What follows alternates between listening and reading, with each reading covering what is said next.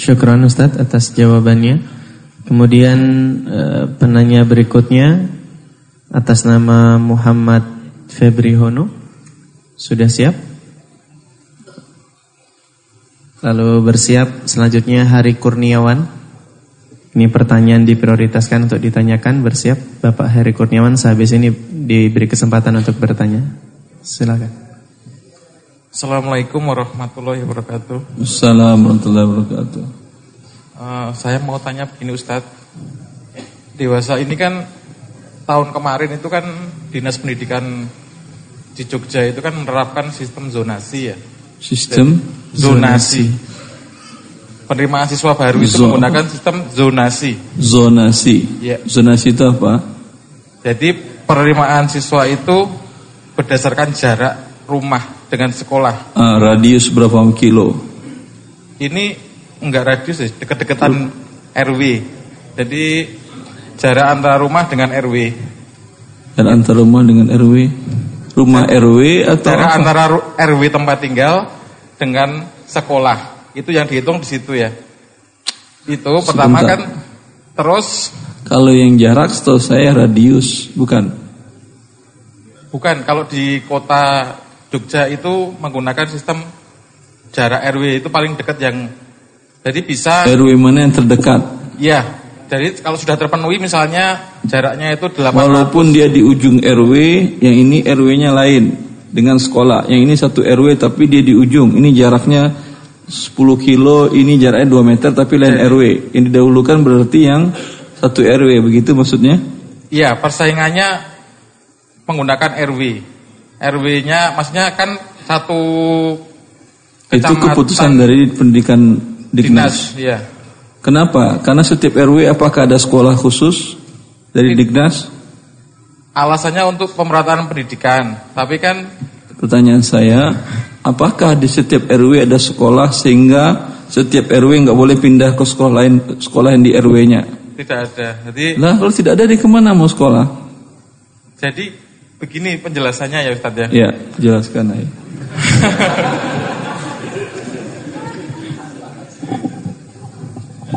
uh, sekolah itu kan satu kecamatan itu ada beberapa sekolah ya. Kalau negeri ya. Kecamatan apa RW? Jadi RW. Jadi berdasarkan jarak RW dengan sekolah. Kan di ranking itu Ustaz, jaraknya rumahnya paling dekat RW-nya gitu loh. Satu misalnya di satu kecamatan itu ada 5 RW. Terus 5 kelurahan atau 5 RW? Banyak RW, banyak RW. Intinya ah. begini Ustaz. Intinya apa tadi?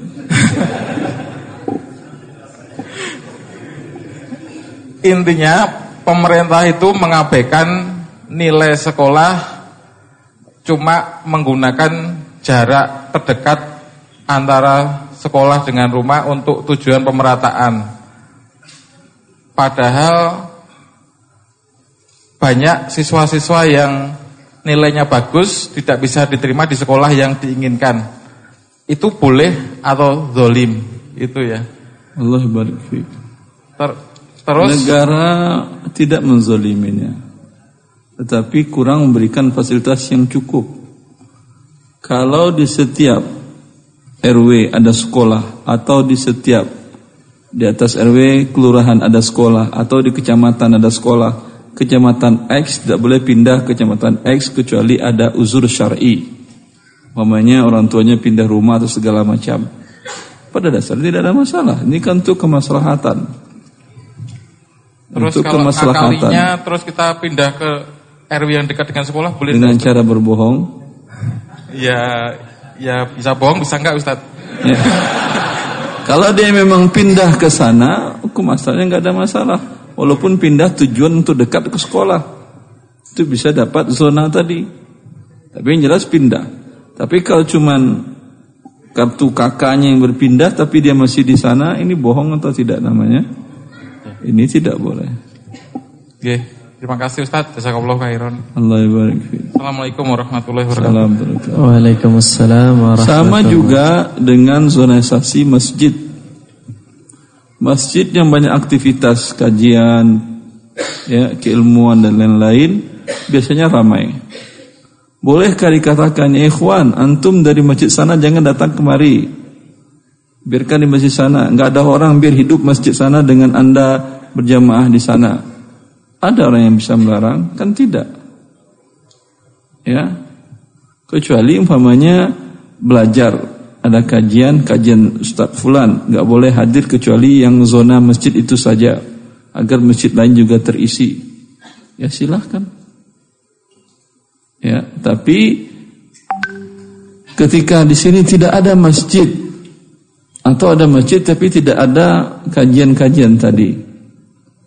Jangan hambat sesuatu yang diperluas oleh Allah Azza wa Jalla. Allah tidak membatasi, kenapa kita batasi? Pernahkah Allah mengatakan, wahai orang Indonesia, jangan kalian belajar ke Jamiatul Imam atau ke Ummul Qura di Arab belajar dengan ulama Indonesia sendiri. Pernah ada seperti itu? Tidak ada.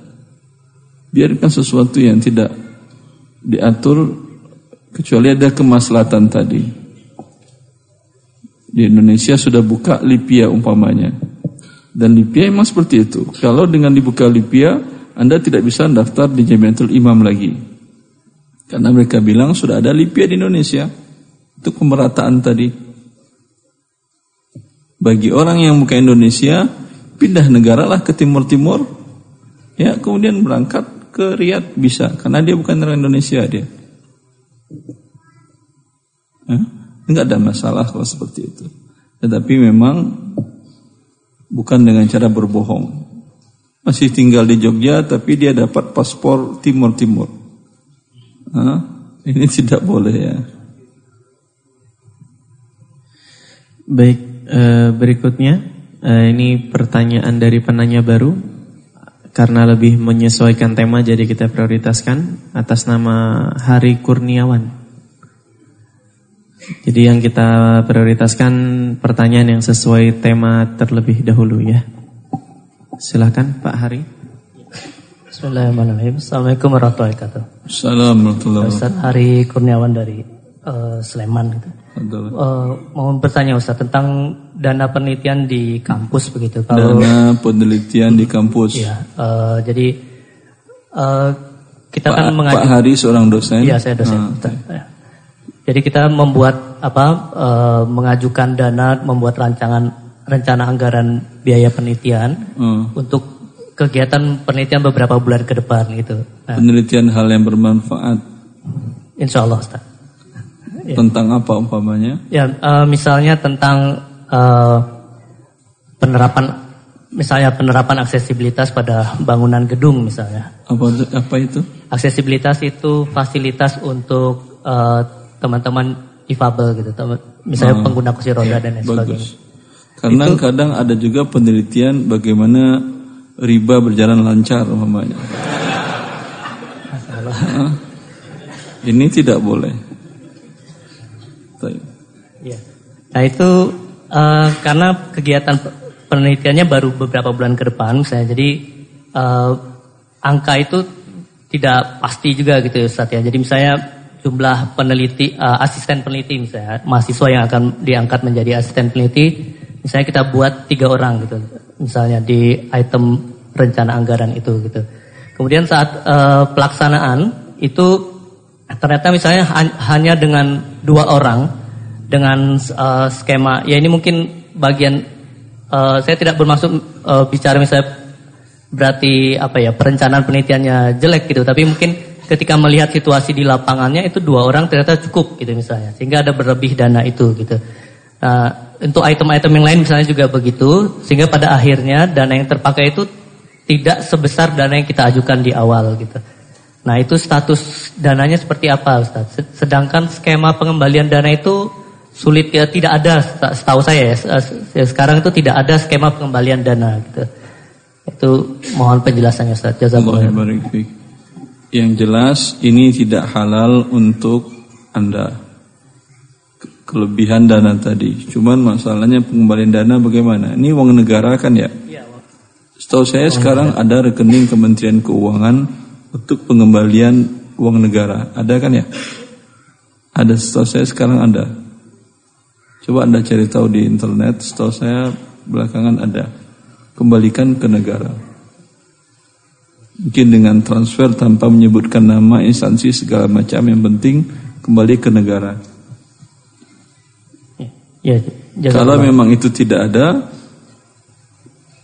berikan kepada penelitian yang sama. Kapan Anda dapat penelitian lagi atau teman dapat penelitian lagi, ya berikan kepada dia untuk mengurangi bila terjadi defisit dalam anggaran dia. Atau itu itu berarti juga kita boleh menabung untuk penelitian berikutnya begitu Ustaz? Kalau Itu tadi setelah kalau tidak Ya, ada yang tidak pertama ada. tadi. Iya, iya. Kalau ada yang pertama secepatnya kembalikan. kalau tidak ada berarti Bisa diberikan kepada yang sama, tapi bukan menabung untuk Anda. ya menabung untuk kegiatan penelitian berikutnya juga Bukan tidak. bukan secepatnya ada sekarang teman yang juga penelitian bilang ke dia ini ada uang saya, Anda anjukan umpamanya penelitian dia berjumlah 400 juta. Ini ada kelebihan 50, ajukan tiga setengah saja, ini ambil 50 buatmu. Kalau dia berbohong, Anda sudah selesai urusan Anda dengan Allah. Oke, jazakallah khairan. Ya, Jazakallah khair. Pertanyaan berikutnya atas nama Pak Mulyono. Penanya atas nama Pak Mulyono. Oh, silakan Pak. Kertasnya.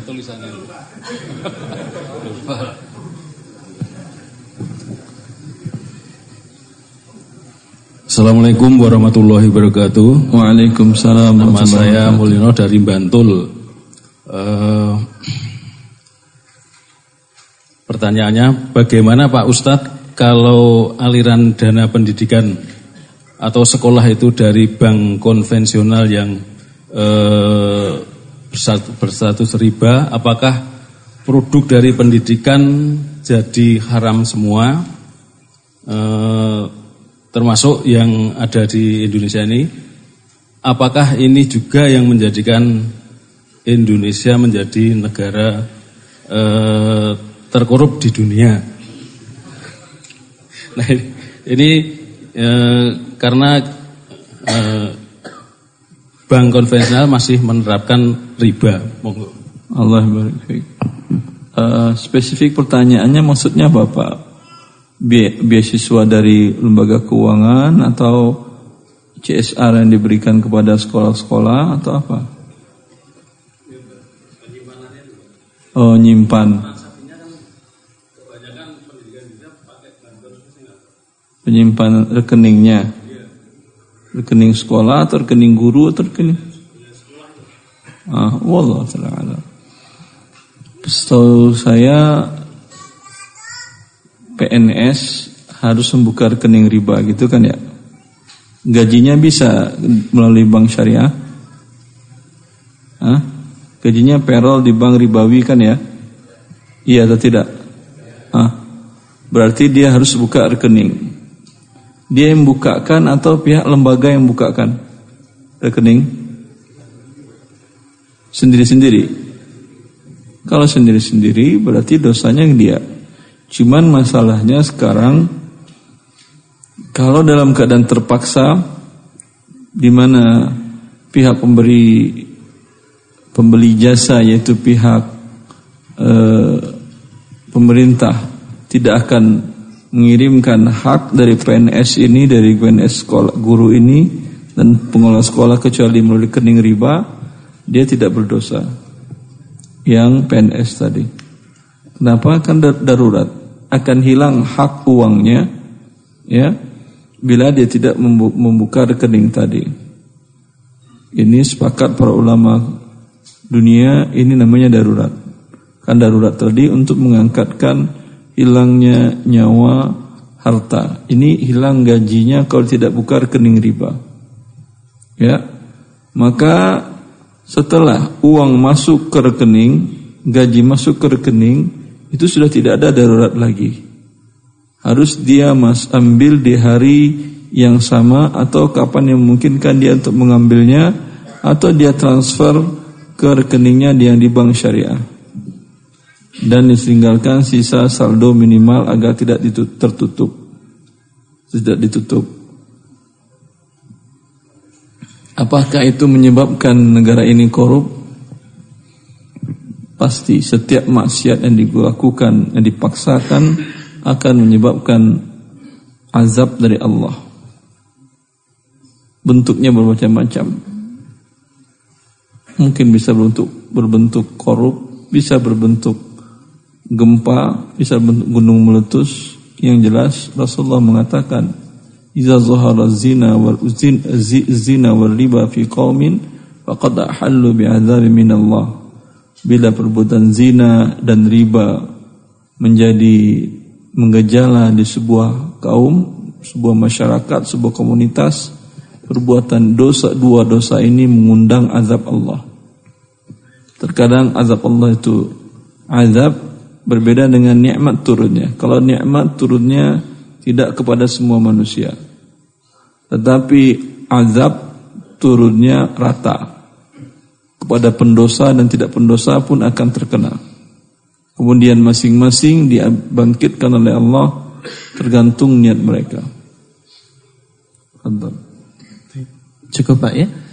Baik, uh, ini kita memasuki pertanyaan terakhir untuk sesi ikhwan. Kemudian sebelum penanya terakhir ini bertanya di sesi ikhwan, silahkan akhwat untuk bersiap-siap. Tiga penanya dari akhwat atas nama Tria, Umu Abbas dan Umu Naufal atau Via. Bersiap-siap mendekat ke stand mic atas nama Tria, Umu Abbas dan Umu Naufal atau Via untuk e, bertanya di sesi kedua pertanyaan akhwat dan sekarang sesi dua pertanyaan ikhwan penanya terakhir atas nama Abu Habibi dari Pekalongan. Silahkan Pak. Waktu dan tempat kami persilahkan.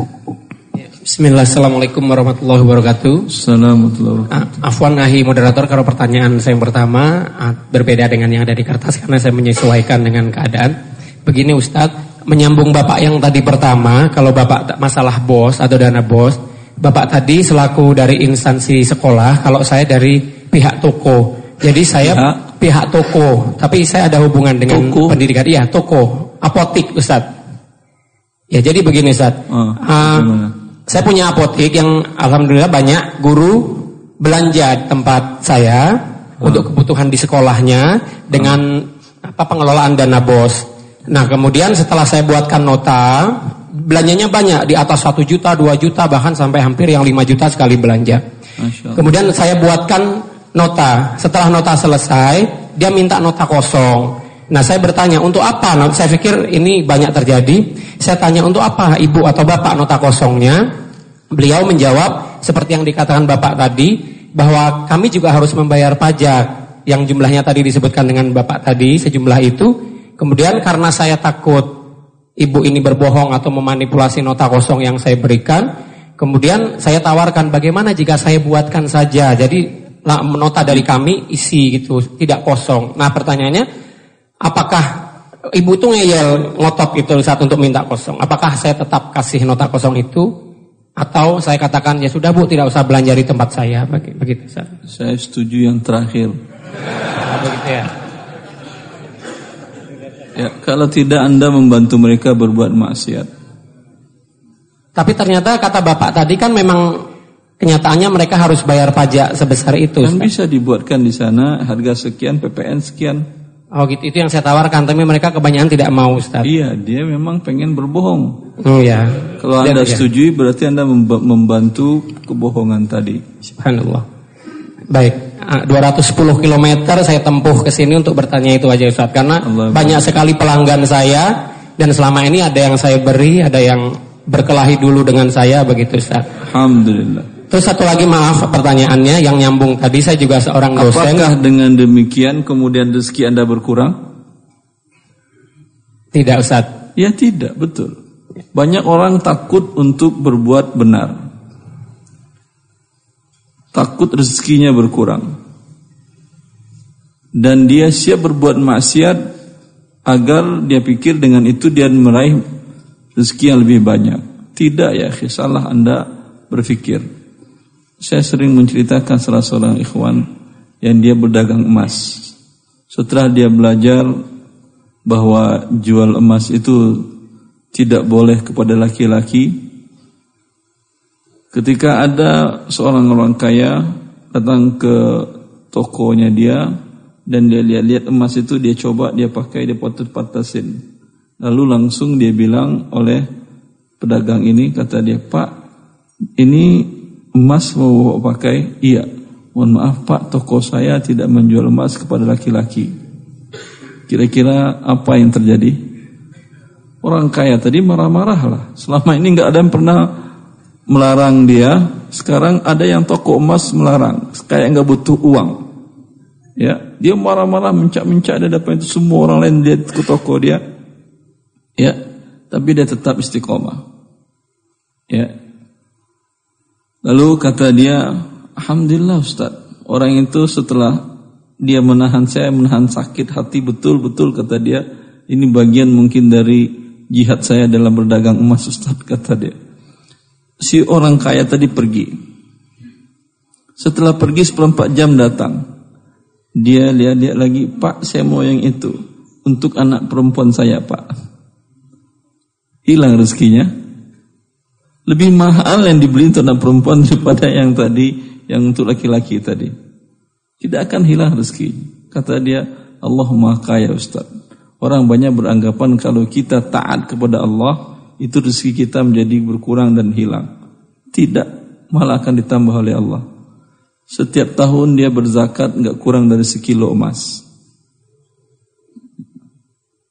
Ini sebagai bahan pertimbangan kepada kita bahwa rezeki kita diberikan oleh Allah bukan karena maksiat kepadanya, malah sebaliknya. Rezeki kita diberikan oleh Allah Azza wa Jal adalah karena ketaatan kita kepada Allah Azza wa Jal. Ya Ustaz. Sebenarnya saya juga pernah diperlihatkan sama Allah begitu Ustaz. Jadi bahwa uh, ketika itu ada seorang guru itu bertanya kepada saya, saya mau belanja di tempat antum sekitar 2 juta lebih dia bilang itu, tapi saya minta nota kosong. Saya katakan maaf saya tidak memberikan nota kosong. Kemudian dia pergi. Ya sudah saya ikhlas. Berarti belum rezeki saya. Tapi setelah itu hari itu Allah berikan omset yang berlipat-lipat ternyata. Alhamdulillah. Ya, satu lagi izin. berharap terus terjadi begitu kali ya. Ya, mudah-mudahan. Tapi saya sudah kasih pasang tulisan maaf tidak menerima nota memberikan nota kosong. Bertakwalah kepada Allah saya berikan seperti itu. Masya Allah. Masya Ya. Tapi- Dan alhamdulillah itu bisa ditiru juga sama teman-teman. Satu lagi Ustaz mohon izin, saya juga apa saya dosen di sebuah universitas swasta dan saya bany- eh, membimbing skripsi atau karya tulis mahasiswa dan saya tahu kalau mereka memberikan hadiah kepada saya haram, saya tahu. Tapi biasanya saya siasati nanti disimpan dulu berikan kalau sudah lulus ya gitu Ustaz. Nah, mohon pencerahannya Ustaz. Itu aja Ustaz jazakallah. Assalamualaikum warahmatullahi wabarakatuh. Tapi ini ada kesepakatan atau tidak? Tidak. Ya, saya suruh simpan setelah dia lulus anda tagih. Eh janjian dulu mana? Tidak saya tagih Ustaz, tapi Ah, biasanya mereka ingat sendiri datang ke rumah. Ya akhi. Ya. Jangan anda katakan lebih baik anda katakan kepada dia kau sekarang mahasiswi, mahasiswa miskin, susah orang tuamu. Jangan berikan seperti ini. Nanti kalau kau sudah kaya raya, pengen berhadiah dan segala macam, nggak ada masalah. Kan nggak jadi pun nggak ada masalah. Ya, baik. Kalau memang lihat hadiahnya memang menggiurkan sekali semua dengan rata Ustaz. Terima kasih Ustaz. Assalamualaikum warahmatullahi wabarakatuh. Ya, karena seperti ini, seperti yang saya katakan tadi, kebanyakan yang mengajarkan orang-orang koruptor itu adalah para guru-guru dan para dosen di pendidikan. Saya juga dosen magister ekonomi syariah. Bila mahasiswa-mahasiswa bimbingan ke saya, kalau mereka membawa oleh-oleh dari kampungnya, oleh-oleh biasa, biasa maunya keripik atau apa, satu atau sekian itu biasanya saya tantang dia. Ustaz ini sedikit oleh-oleh dari kampung.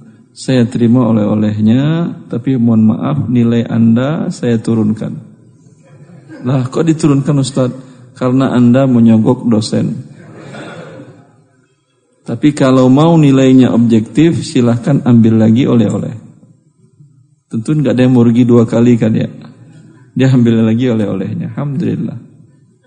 Ya, sehingga mengerti mereka begini seharusnya hidup.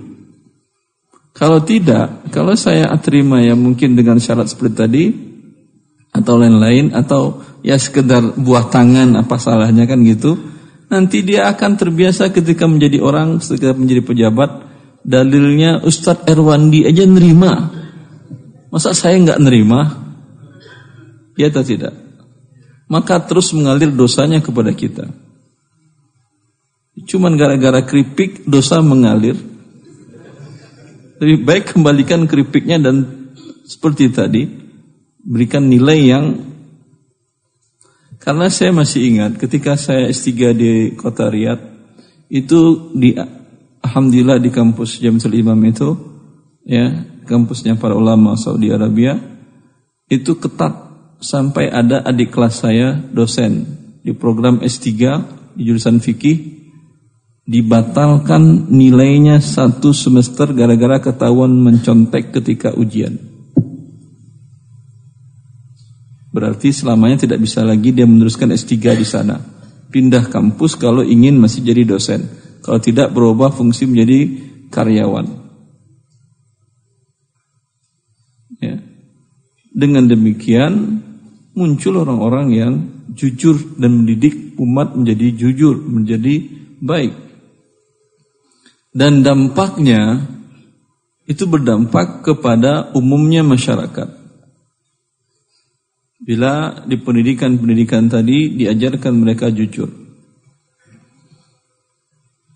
Di sana kalau Anda memberikan kepada polisi uang uang damai itu resikonya jadi panjang. Anda akan didenda sekian puluh ribu real, sekian puluh juta, dan polisi yang melaporkan ini mendapat reward dari negara. Kalau Anda terima pelanggaran, itu tidak ada konsekuensi apa-apa kecuali bayar paling 300 real, paling tinggi 1000 real. Dan tidak ada berhubungan dengan pengadilan dan kepolisian dan tindakan pidana. Karena di sana menyogok aparat itu adalah tindakan pidana. Ya. Maka ini yang menyebabkan ya negara sebuah masyarakat menjadi maju dimulai dari pendidikan, dimulai dari setiap kita. Baik muridnya, baik pendosennya. Jangan pernah meremehkan hal seperti ini. Wallahu a'lam. Sudah jam 11 berarti selesai. Akhwat masih ada tiga pertanyaan. Silahkan sekali sampaikan. Antum bacakan aja. Kalau tidak jelas mungkin orangnya yang baik. Baik, karena keterbatasan waktu, kami bacakan saja pertanyaan dari akhwat. Ini pertanyaan dari saudari Tria Ustaz asal Jogja. Pertanyaannya adalah apa hukumnya mendapat beasiswa LPDP? Itu beasiswa itu dari uang riba kan ya? Iya kan atau tidak? Sosial dari uang riba. Lihat kondisi Anda. Mampu atau tidak Anda melanjutkan pendidikan tadi tanpa beasiswa itu. Kalau Anda mampu, haram Anda terima. Kalau Anda tidak mampu, boleh Anda terima dengan syarat mata mata kuliah atau spesiasi yang Anda ambil atau perkuliahan yang Anda ambil bermanfaat untuk umat. Ya, kalau sekedar bidang-bidang yang tidak bermanfaat untuk umat, jangan. Pertanyaan berikutnya Ustaz dari Ummu Abbas asal Jogja. Pertanyaannya adalah orang tua saya bekerja sebagai guru. Saat mereka nilai ujian tengah semester atau akhir semester, beliau meminta tolong saya untuk memasukkannya ke Excel. Kemudian beliau menyuruh saya untuk menambahkan nilai bagi anak-anak yang kurang dari nilai minimum. Bagaimana hukumnya Ustaz? Apakah ada hak guru melakukan hal itu? Ada? Ada yang guru di sini? Apakah berhak guru menaikkan nilai anak yang tidak memenuhi standar? dia akan menzolimi anak-anak yang lain. Kalau dia naikin, naikin seluruhnya. Berarti yang dapat 10 kasih 11. Sehingga laporannya aneh kok ada yang 11 ini nilainya karena yang lain naik. Kalau yang lain naik, yang 5 jadi 6, yang 7 jadi 8, yang 9 jadi 10, yang 10 enggak naik, Anda berdosa kepada yang 10. Naikkan jadi 11 dia. Ternyata aneh itu urusan Anda. Ya, ini bagian dari jujur tadi. Kalau dia memang nilainya 5, kasih 5. Dia nggak naik, bukan berarti orang yang gagal sekolah gagal hidup tidak. Berapa banyak orang yang gagal sekolah dan menjadi sukses hidupnya.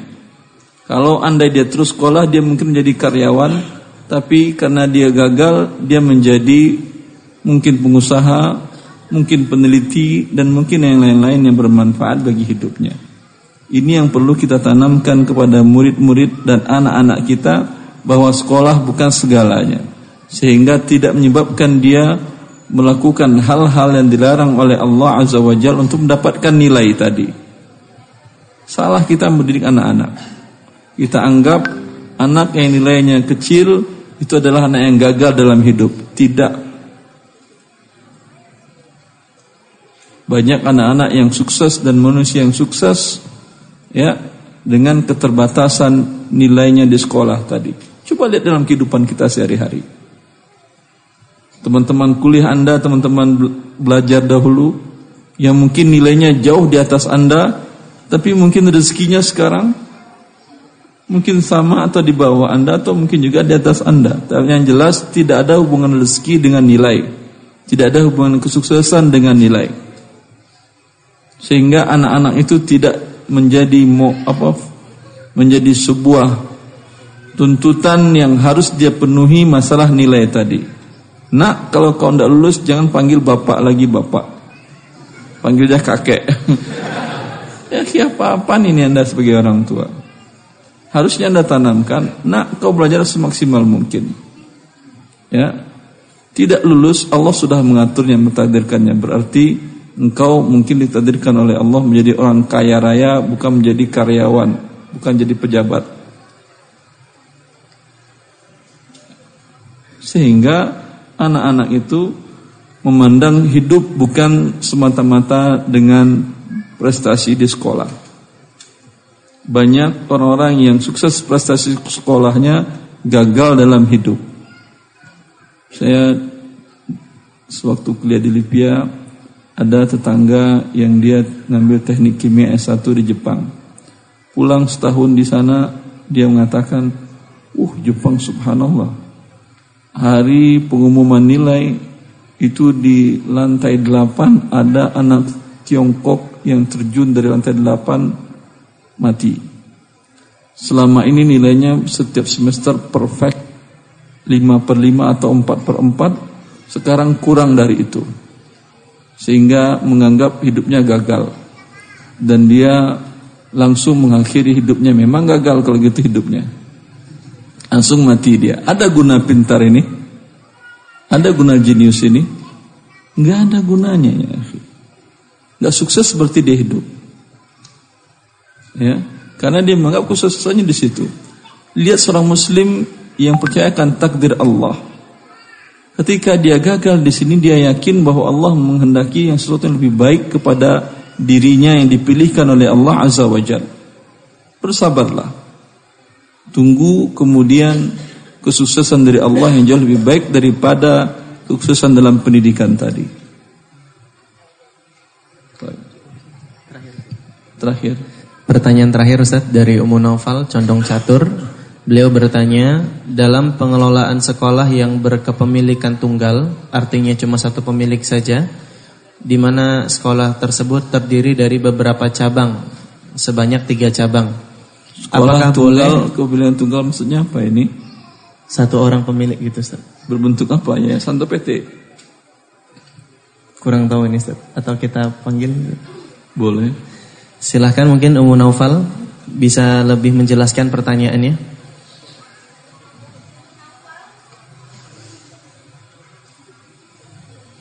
Silahkan Ummu Naufal Bismillahirrahmanirrahim. Assalamualaikum warahmatullahi wabarakatuh. Waalaikumsalam warahmatullahi wabarakatuh. Uh, seperti yang sudah dibacakan tadi, uh, saya seorang pendidik yang bekerja di sebuah sekolahan yang kepemilikannya tunggal. Maksud tunggal itu apa ibu? Uh, milik pribadi. Bisa Jadi, sekolah atas nama milik bukan, pribadi? Bukan milik yayasan ataupun pemerintah. Oh, sebentar, perizinan sekolah bisa atas nama pribadi? Kurang tahu Ustaz, tapi ini uh, kepemilikan tunggal. Ya. Sekolah ya. bisa atas nama PT, CV, bisa? Gak bisa kan ya? Harus uh, Ini kan pendidikan ya? semacam pendidikan non formal, kependidikan anak usia dini Ustaz. Ah, toy, nah. non formal. Dan uh, kita punya tiga cabang sekolah yang masing-masing agak berjauh, berjauhan tempatnya. Yang ingin saya tanyakan Ustadz, uh, dalam dalam masing-masing uh, cabang sekolah kita kan ada pemasukan dari wali santri. Kemudian yang ingin saya tanyakan, apakah uh, bagaimana statusnya kalau misalnya pemasukan dari cabang sekolah yang satu dipakai untuk pengembangan di cabang sekolah yang dua atau sebaliknya untuk biaya operasional e, cabang yang lain. Pada saat tidak ada masalah. Karena kalau akadnya satu apa namanya tadi satu bulat satu akad segini terserah. Dia itu menjadi hak milik dia uang tadi mau digunakan untuk sekolah lain, mau digunakan kebutuhan pribadi dia, kok masalah tidak ada masalah. Cukup? Cukup Ustaz. Jazakallah khairan. Assalamualaikum. Waalaikumsalam warahmatullahi wabarakatuh. Ya, jazakallah khair pada Ustadz Erwandi yang sudah menjawab sedemikian banyak pertanyaan. Semoga memberikan manfaat dan faedah buat kita semua dan bisa kita amalkan dalam keseharian untuk bisa lebih baik dan lebih meningkatkan iman kita kepada Allah Subhanahu wa taala. Dan demikianlah kajian kita pada kesempatan kali ini. Eh, semoga bermanfaat buat kita semua dan terima kasih eh, atas kehadirannya. Semoga menambahkan pahala di sisi Allah Subhanahu wa taala. Kita akhiri subhanakallahumma wa bihamdika asyhadu an la ilaha illa anta astaghfiruka wa atubu ilaik. Akhiru da'wana alhamdulillahi alamin. Wassalamu alaikum warahmatullahi wabarakatuh.